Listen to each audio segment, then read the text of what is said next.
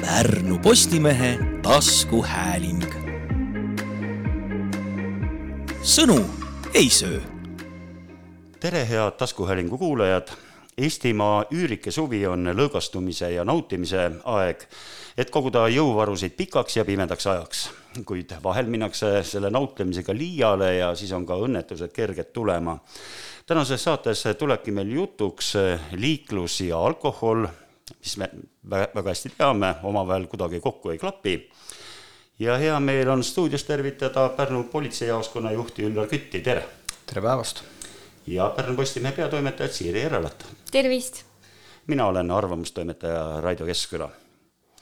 ja alustuseks vast, et äh, sel kolmapäeval oli toimus äh, väga ränk liiklusõnnetus Põhara külas kõrvalisel teel, kus üle katuse lennanud autos sai kaks meest surma ja kolm vigastada.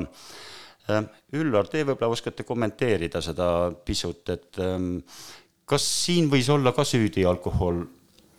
täna ei ole meil veel täpseid ekspertiisi tulemusi, nii et ma ei saa seda kindlasti väita, et kas juht oli joobes ja kui ta oli joobes, siis kui palju ta oli tarvitanud aga kui seda sündmuskohta vaadata, siis seal jah, mingid teatud märgid viitavad, et alkoholi seal autos tõenäoliselt keegi vähemalt kindlasti tarvitanud oli.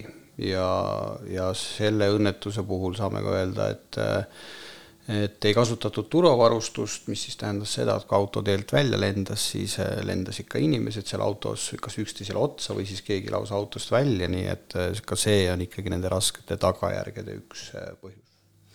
kakskümmend seitse juuni oli teisipäev ah, teisipäev oli, vabandust vabandust. meie kirjutasime rohkem lugusid kolmapäeval, jah.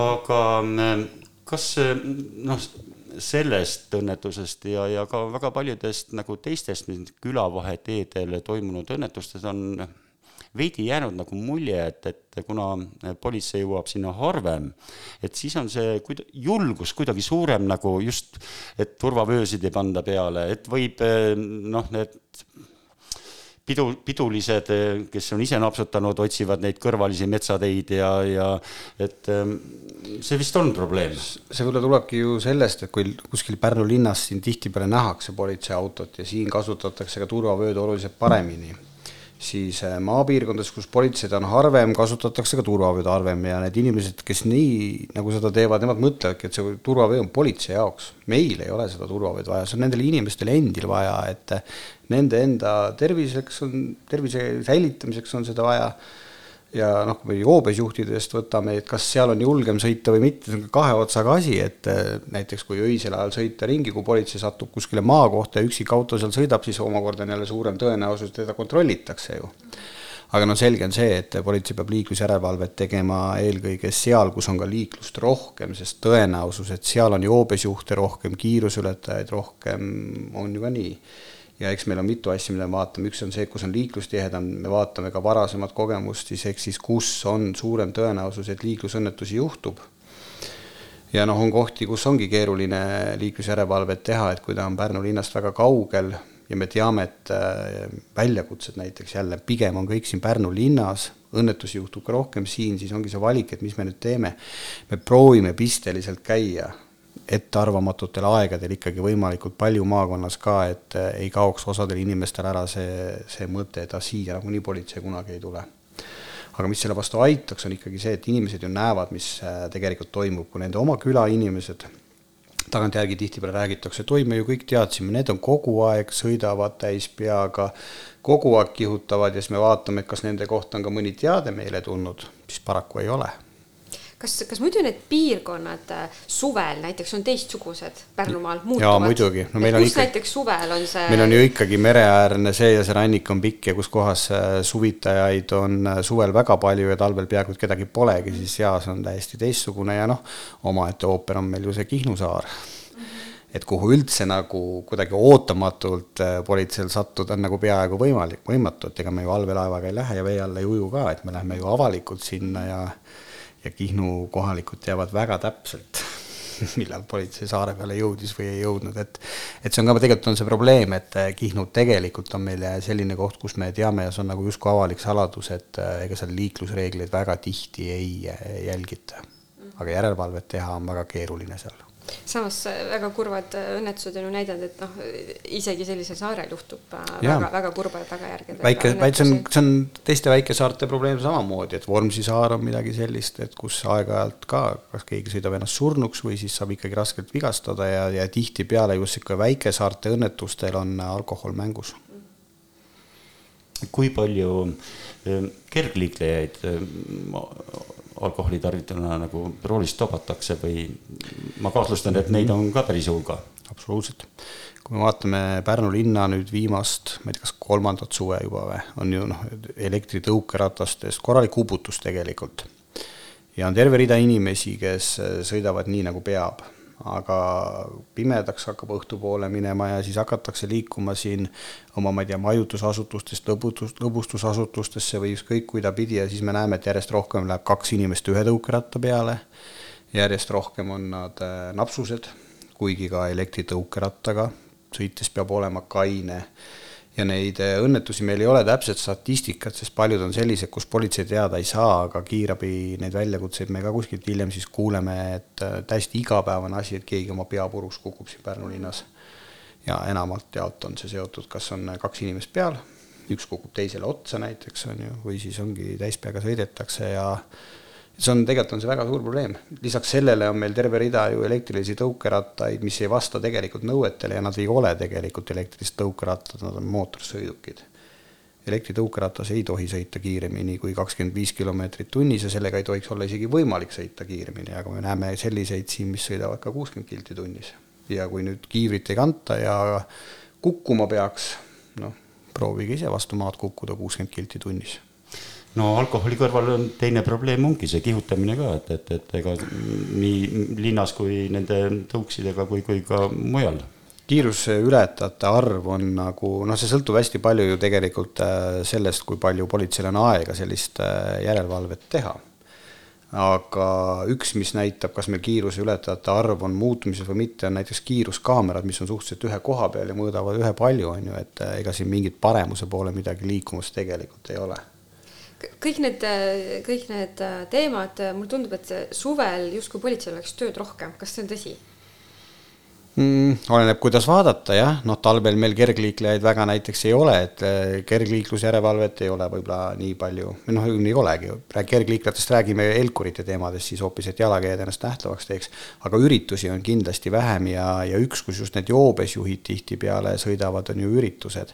mingi suurem üritus kuskil lõpeb ja siis seal eh, kas minnakse öösel kohe koju või siis eh, magatakse küll hommikuni, aga ei magata ennast kaineks ja minnakse, et eks ta on nendega tihtipeale ka seotud aga kas siis tähendab tööjõu osas ka, et suvel peab nagu politseinikud No puhkavad talvel? me ei saa, me ei saa nagu päris ju niimoodi teha, et ka politseinikud peavad suvel äh, puhkust saama, et äh, Pärnu linn võib-olla ta eristub äh, selle poolest, et et suvel ei ole meil erilist vahet, kas meil on teisipäev või kolmapäev või nädalavahetus, nad on suhteliselt sarnased päevad, et talvel on see erinevus, et nädala sees peaaegu et midagi väga ei toimu, selliseid no ütleme, lärmamistega seotud väljakutsed või alkoholiga seotud väljakutsed, need on pigem nädalavahetuse teema. nädalas, noh, suvel siin meil selles mõttes vahet ei ole jah, aga meil siin omavahel jutuks tuli ka selline mm, mõte, arutlesime, et ähm, väga palju on läbi käinud, et noh, mitmetes Euroopa maades on ähm, lubatud autorooli istuda, kui on väikse promilliga. Ähm, kindlasti on Eesti, noh, ongi Eestis ka arutletud selle üle, aga, aga mm, siiski ei ole sellist nagu seadust vastu võetud, mis seda lubaks, et tihtipeale need riigid, kus on lubatud äh, selline mingisugune alkoholi piirmäära mingisugune näit kõrgem kui Eestis, need on ka need riigid võib-olla, kus on see veinikultuur suurem, seal käibki see ma ei tea, pokaal veini alati õhtusöögi juurde või siis osadel on see õllekultuur selline ja, ja Eesti riik, ma arvan, et ei ole selleks lihtsalt valmis, sest ma tean, mis siis juhtub, et äh, inimesed ei oska hinnata oma seda kogust, kui me ütleksime näiteks numbriliselt, et no oletame, et null koma kolm on lubatud siis see tegelikult mitte ei tähenda seda, et äh, tänastest nendest autoroolis olevatest inimestest osast jääks karistamata, vaid tegelikult hakatakse rohkem ja julgemalt istuma täispeaga autorooli ja lootma, et see jääb selle piiride raamidesse. Mille järgi see inimene hindab, kui tal endal aparaati ei ole ja sellest aparaadist tal ei ole ka võib-olla kasu, kui ta ei tea seda, et kuidas seda mõõta tuleb. et kui ma vahetult peale joomist joon, ta võib ühte näitu näidata, aga mingi aja pärast võib see mõju ju ka suurendada hoopis seda näitu, et see ei ole päris nii, et et näit alati väheneb. mõnikord on ikkagi nii, et äh, peale joomist natukene aega see näit aeglemisi ikkagi tõuseb hoopis ka inimesed ei oskaks seda hinnata. või nüüd teise näite tuua, et korrakaitseseadus võeti vastu Eestis siis seal algselt oli ju selline punkt, et äh, avalikus kohas tohib äh, alkoholi tarvitada. Ja kohalikul omavalitsusel on õigus siis määrata need kohad, kus kohas ei tohi tarvitada, nagu vastupidi tänasele mis see siis Eesti inimesele tähendab, see tähendab ju kohe seda, vähemalt osadele Eesti inimestele, et nüüd ma võtan viinapudeli kätte, lähen tänava peale avalikult jooma ja kui politsei tuleb, ütleb, mis te mulle nüüd teha saate, nagu nimme just hakatakse seda niipidi ära kasutama. mõeldud oli see pigem nii, et kui inimesi see ei häiri, et kui keegi istub pargipingi peal ja palava ilmaga joob ühe siidri või ühe õllu ja kedagi ta sellega ei häiri, et mis sellest siis on, on ju, kui enda järgi ära koristab. aga paraku me ei ole nagu päris selleks valmis mm. -hmm. see tekitab üldse nagu küsimust, et palju politseil nagu, ega siis ei ole autoroolis istujad või need kergliiked, on jalakäijad ja lihtsalt ka pidutsejad, kes on alkoholi pruukinud, et kui palju politseil nendega tegemist üldse on siin Pärnus ja Pärnumaal siin ütleme no, suvituspiirkondades? kui me räägime nagu üldse väljakutsetest sellistes, mis kuhu kutsut-, kuhu näiteks kutsutakse politseid, siis ongi need kõige, kõige rohkem väljakutseid on seotud kas liikluse mingite ohtlike olukordade tekitamisega või siis ongi alkoholi tarvitanud inimestega need seotud, noh, ja, ja lisaks siis veel noh, öörahu väljakutsed, mis alati ei ole küll seotud alkoholi tarvitanud inimestega, aga, aga ikkagi ma ütlen, et suurem enamus neid, kus me peame minema mingite inimeste muresi või probleeme lahendama, pigem on seotud alkoholi tarvitanud inimeste omavahelise mitte hakkama saamisega siis. ma äh, tegelikult jah, neid ju kuritegusid, mis on alkoholiga seotud, on ju väga palju ja ma ei ma ei tea, mulle on jäänud mulje, et enamik vigastustest ja enamik kuritegudest ikkagi on seal alkohol kuidagi seotud. ja, ja ka, ja ka need surmad, mis, mis juhtuvad. no kui me vaatame näiteks, äh, võtame nüüd äh, üks, millega me palju kokku puutume, on kehaline väärkohtlemine, ehk siis inimesed lähevad kaklema omavahel, on nad siis äh, perekonnasiseselt või, või, või oma tuttavate vahel, siis ikkagi kuskil seitsekümmend viis protsenti on üks osapool alkoholi tarvitanud et sellist asja, et kaks kainet inimest omavahel kuskil kaklevad, eriti veel tänava peal kuskil, noh praktiliselt ei ole. see võib olla noorte alaealiste hulgas mingisugused sellised naginad, pigem on see seotud äh, alkoholi tarvitamisega sellega seoses vaatasin äh, sellist lehte selgroog.ee, mis on äh, teie kampaania. ja üllatuslikult ei olnud seal selline näpu viibutamine ja paragrahvid, et mis, mis siis juhtub, kui te joobes, joobes juhite autot või mm, -hmm. või, mhm. või mis teiega juhtub siis mm, -hmm. kui te lähete joobes peaga vette, vaid hoopis nägin psühholoogi nõuandeid no ongi, ega mis me karistustega võib ju hirmutada, aga me teame ju selle mõju tegelikult ei ole olemas, sellepärast et kui me võib-olla kainele inimesele seda juttu räägime, saab ta ühtemoodi aru, aga need inimesed, kes purjuspeaga autorooli istuvad, ju ei ole ju sel hetkel kained, nad ju ei mõt-, nende mõttemaailm on sellisel juhul juba teistsugune. et noh, see on nagu sama, me võiks öelda, et kas äh, narkomaanile peaks trahvi tegema selle eest, et ta narkootikume kasutab, et kui inimesel on sõltuvus, siis karistus ei ravi seda, teda on vaja ravida aga karistustega ei ole võimalik ravida, see on nagu alaealine suitsetaja, ma ei tea, teeb, teeb kuskile suitsu, politsei tuleb, teeb trahvi, ega see alaealine sellepärast suitsetamist maha ei jäta, ta lihtsalt järgmine kord lihtsalt läheb suitsetab teise koha peale. Et on, on asju, kus ei ole võimalik äh, karistustega tegelikult suurt edu saavutada. Ja osadel inimestel küll, kellel võib-olla on esimest korda, ma ei tea, elus kiiruse ületamine, saab sellest näiteks rahatrahvi, siis ta paneb teda mõtlema, ei, ma ei taha rohkem niimoodi maksta, mõttetu maksta, rohkem ei tee.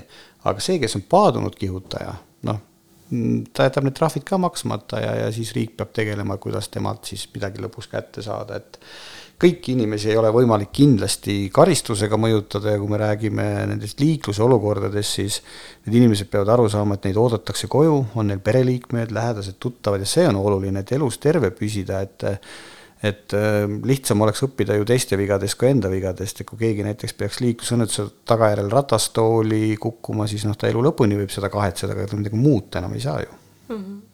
mis teie enda kogemus nagu selle kohta ütleb, et äh, kuidas aja jooksul nagu ma saan aru, et see alkohol on, ongi selline teema, mis, seda ei, ei ole kerge muuta ja, ja see on meile väga raske teema nagu tervele ühiskonnale.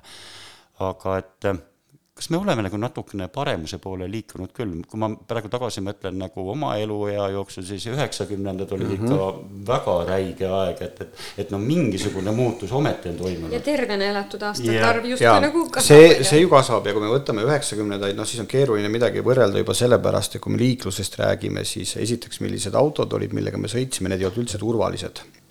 kui te mäletate kui Žiguli või Moskvitš ikka selle põdraga kokku põrkas, siis inimesed said surma üldjuhul.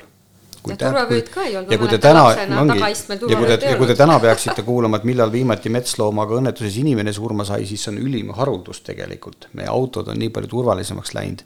ja Vene, või mitte Vene aeg, vaat üheksakümnendatel tõepoolest ju veel tagaistmel turvavööd ei kasutatud ja ka ees ka sageli seda kinni ei pandud. täna on turvavöö kasutamine oluliselt paremaks läinud teed on läinud paremaks, teede igasugune valgustus, märgistus, kõik see on läinud nii palju paremaks, ristmik on ümber ehitatud äh, teistsugusteks, et need autod ei saaks suure kiiruse pealt ja kokku.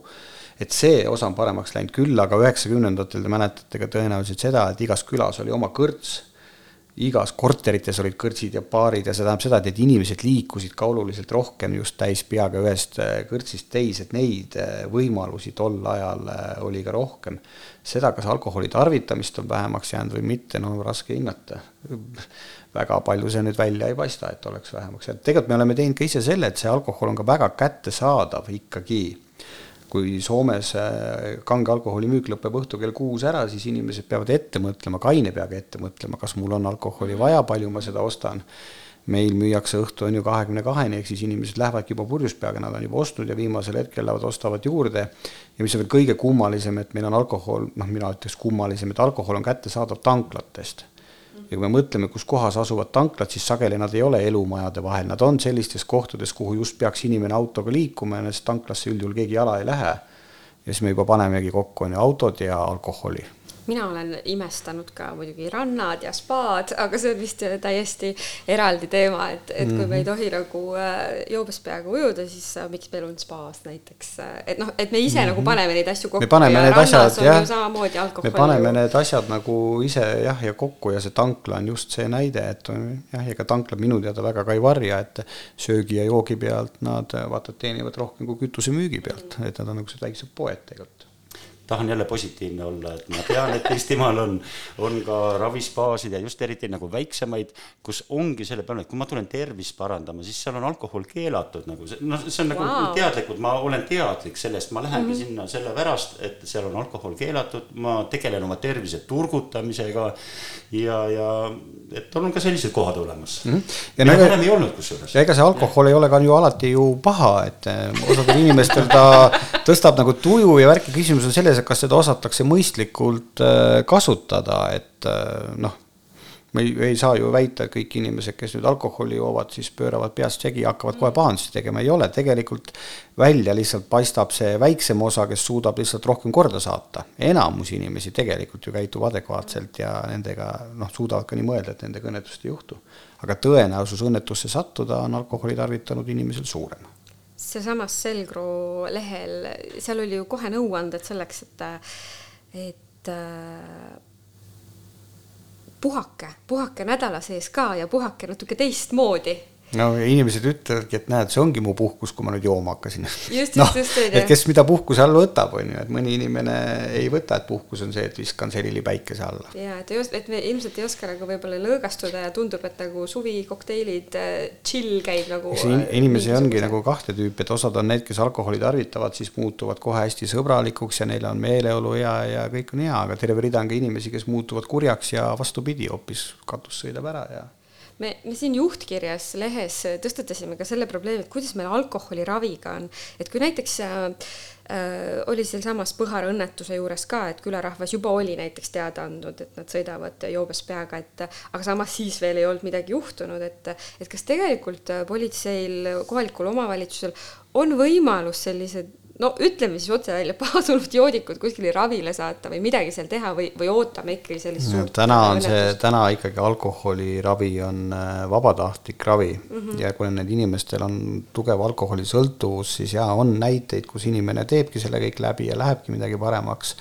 väga palju näiteid, kus inimesed suudavad sellest kinni pidada. küll, mida, mida on võimalik Eestis teha ja mida järjest rohkem rakendatakse, on siis see, et kui keegi sõidab siin purjus peaga siis äh, ei määrata talle kriminaalkaristust sellisena, et nii, nüüd lähed vangi või siis mm -hmm. saad tingimisi vangi, vaid ta allutatakse käitumiskontrollile ja selle käitumiskontrolli üks osa on see, et ta peab käima iga teatud perioodi tagant äh, oma äh, verd andmas mm. -hmm. ta käib verd andmas ja sealt vaadatakse siis alkoholisisaldust ja see ei ole mitte see, et sealt tuleb välja see, et kas ma praegu olen joobes mm, -hmm vaid veres siiski säilivad need alkoholinäidud väga-väga pikka aega ja selle inimese tingimus on siis see, et ta peab saavutama teatud taseme, tal on alguses mingisugune veremarkeri mingi number on seal mm -hmm. kõrge ja, ja poole aasta jooksul ta peab käima regulaarselt näitamas ja see peab kogu aeg vähenema mm. -hmm. ja kui see ei vähenema, ei vähene, siis lõpetatakse see trikk ära ja siis ta saab karistada selle teo eest, mida ta siis ennem tegi ehk siis äh, see on nagu see, mis peaks panema inimest mõtlema, et ta ei saa petta seda süsteemi, et nüüd ma tean, ülehomme lähen verd andma,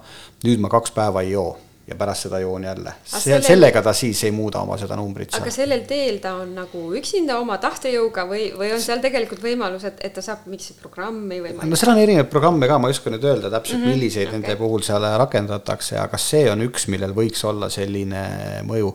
ja on veel üks programm on, mille nimi on Koju, on ju, ega see koju ei tähenda, et nüüd tuleb koju minna, vaid see tähendab korralikku juhti hoopis ja see on ka selline korralik juht, korralik juht. Ja see tähendab ka tegelikult seda, et inimene ei saa mitte karistada, kui ta on esimest korda näiteks napsisena vahele jäänud, vaid ta suunatakse programmi, ta peab selle programmi ise kinni maksma ja ta peab käima siis nädalavahetustel teatud äh, aeg, ma peast igaks juhuks ei ütle mm, -hmm. et kui palju ta seal käima peab ja siis ta käibki sellistes liikluspsühholoogi poolt, äh, psühholoogide poolt välja töötatud äh, loengutes kaasa tegema seal, mõtlema, rääkima mingeid asju. ehk siis suudet-, et proovitakse ikkagi inimese seda psüühikat või psühholoogiat mõjutada, tema teadmisi ja panna ta mõtlema selle üle sest noh, rahatrahvi, kui me teeme talle ja oletame, et tal on raha palju, ta maksab selle kohe ära ja tal on see juba unustatud.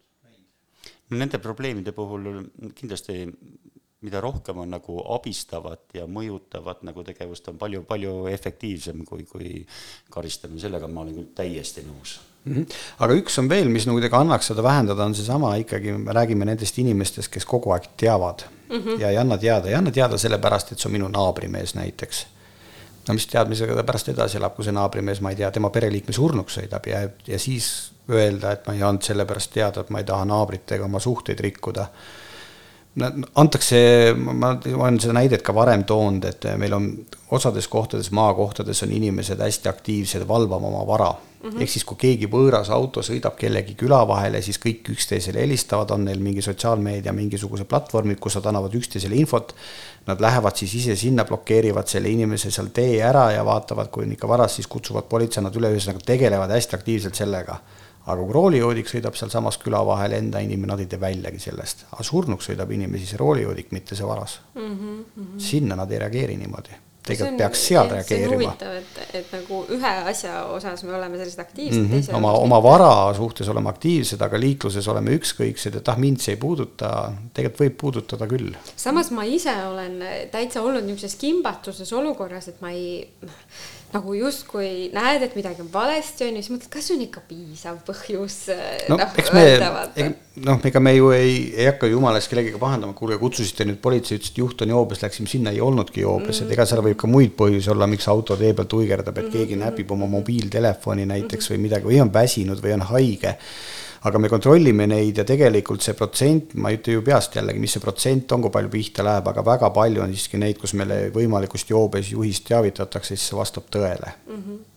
seda on ikkagi palju et seda ei maksa karta, et ei maksa karta, sest, sest küll me ise ju hindame seda, tihtipeale on ka see, et meie, kui te autonumbriga näete ära, me ju näeme ära, et kes seda autot võib juba kasutada mm, -hmm. sealt on võimalik vaadata tema minevikku, et kui suur tõenäosus see on, siis tuleb välja, et näete, ta ongi ennem ka alkoholi tarvitanud, sealt on võimalik ju meil näha, et kuhu ta tõenäoliselt võib liikuda, kus ta elab näiteks, et noh, igal juhul on sellistest asjadest ju äh, kasu aga õige, oota, küsin selle, et aga õige koht on üks, üks, kaks või siis äh, kohalik konstaabel või kes see? kõik, kõik need, kus on vaja politseid kohe ja kiiresti teavitada, siis mm -hmm. on üks, üks, kaks. Mhm. kohalik konstaabel on pigem see, et kui teil on sellised probleemid, mida ei pea nüüd ja kohe lahendama, et äh, see on asi, millega peab tegelema. no näiteks tahate teatada, et minu kodutänavas, ma ei tea, liiga kiiresti on lubatud sõita, äkki peaks seal kiirust piirama ja mõtlema midagi muid välja, siis see on piirkonna politseinikule mm -hmm. info, kes hakkab vastavate ametkondadega suhtlema, neid ettepanekuid tegema ja mm, -hmm. ja sellised teemad aga kui nüüd ja kohe on politseid vaja, siis on alati üks, üks, kaks aga aitäh, ma arvan, et selle jutuga praegu kuhu teatada ja et tasub alati teatada, kui kahtlustatakse joobesjuhti. on ka paslik tänane saate lõpetada ja otsad kokku tõmmata ja aitäh, Pärnu politseijaoskonna juht Üllar Kütt ja aitäh, peatoimetaja Siiri Erala ja mina olin Pärnu Postimehe arvamustoimetaja Raido Keskküla, kuulmiseni. Pärnu Postimehe taskuhääling. Sõnu ei söö